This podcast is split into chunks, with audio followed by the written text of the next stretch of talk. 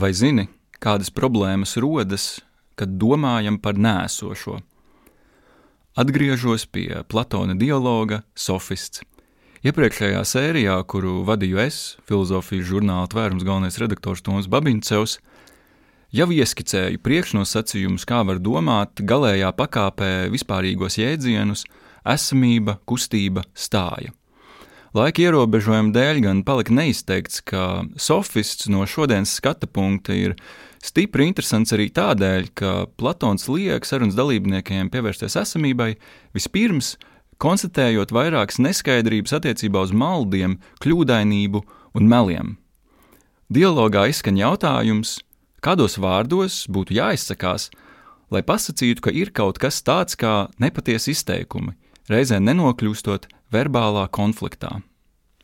Citiem vārdiem, ja saku, ka kāds dezinformācijas veterāns izplata viltus ziņas, tad esmu apgalvojis, ka viņa izteikumi ir nepatiesi. Tie runā par ko tādu, kā nav. Tie izsaka nēsošo. Taču konkrētais dezinformators varētu man iebilst, un to konstatē arī sarunas dalībnieki. Kaut kas nav īsti kārtībā ar šiem maniem apgalvojumiem. Proti, esmu par nēsošo runājis tā, kā runā par esošo. Šis secinājums sākas ar pārdomām par to, uz ko ir attiecināms apzīmējums, tas, kā nav. Ja izsakām, piemēram, apzīmējumu kaut kas, tad šie vārdi vienmēr ir attiecināmi uz kādu priekšmetu. Apzīmējums kaut kas vienmēr paredz esamību. Paši par sevi, bez atbilstības kādam priekšmetam, šie vārdi vienkārši nav saprotami. Tātad frāzi tas kā nav, to nedrīkst attiecināt uz kaut ko, uz kādu priekšmetu, jo tādā gadījumā nēsošiem tiktu piekabināta esamība. Un šādi pat tiktu izteikts, ka nēsošais pastāv. Taču mūsums ir vēl dziļāks. Vietnieku vārdu tas attiecina uz ko vienu, bet uh, vietnieku vārds tie uzrāda daudz skaitli. Līdz ar to pati izteiksme, tas kā nav, ir gaužām problemātiska, cik tālu tā piedēvē skaitli kam tādam, ko skaitliskā izteiksmē nav iespējams domāt. Uz to, kas nav, nevar arī neko attiecināt, citādi tas vairs nebūtu nekas.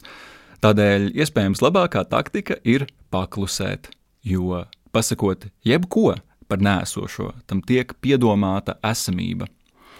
Platonam, starp citu, ir brīnišķīgi asprātīgs risinājums, kā tieši varētu mēģināt labāk domāt par nēsošo.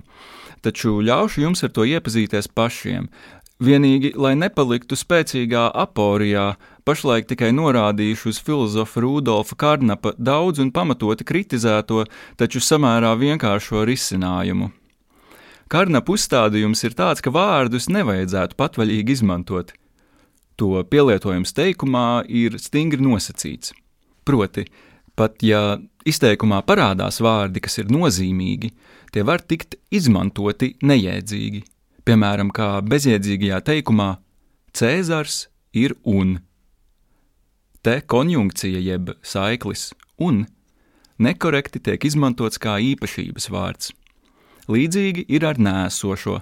Pēc karnapa domām vārdi nēsošais vai nekas, ir patiesībā loģiskais operators nav, kas korektos apstākļos funkcionē, lai noliegtu kādu faktu, piemēram, Tomam nav autovadītāja tiesību.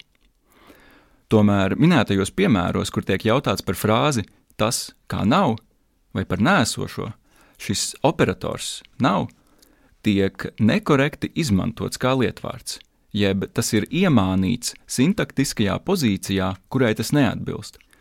Piemēram, aplūkosim šādu teikumu: Nēsošais, jeb nekas, ir pastāvošs, cik tālu esamība ir atšķirīga no kustības un stājas. Šajā teikumā operators nav ticis pārvietots uz lietvaru pozīciju un tādā veidā pārtop par nēsošo, jeb par neko. Ir noticis loģiskās sintakses nobrukums. Tādēļ vienīgais, ko var iesākt, ir vai nu tiešām klusēt, vai nu norādīt, ka šāda veida izteiksmes ir bezjēdzīgs valodas lietojums. Noslēgumā gan var jautāt Karnapam, vai viņš pats konsekventi ir izmantojis loģisko operatoru nav tā korektajā pozīcijā teikumā, vai arī teorētiski skaidrojuma nolūkā, arī Kārnaps ir pieļāvis to pašu kļūdu, kuru pārmet citiem. Vai vispār ir iespējams izteikt nosacījumus, kā operators nav, būtu lietojams teikumā, ja postulē, ka to nedrīkst izmantot kā lietvārdu? Šie jautājumi drīzāk ir retoriski, un metafizisks apgalvojums vienmēr paredz metafizisku noliegumu, un dažreiz, noliedzot metafizikas apgalvojumus, mēdz noliegt jebkādas teorētiskas domāšanas iespējamību.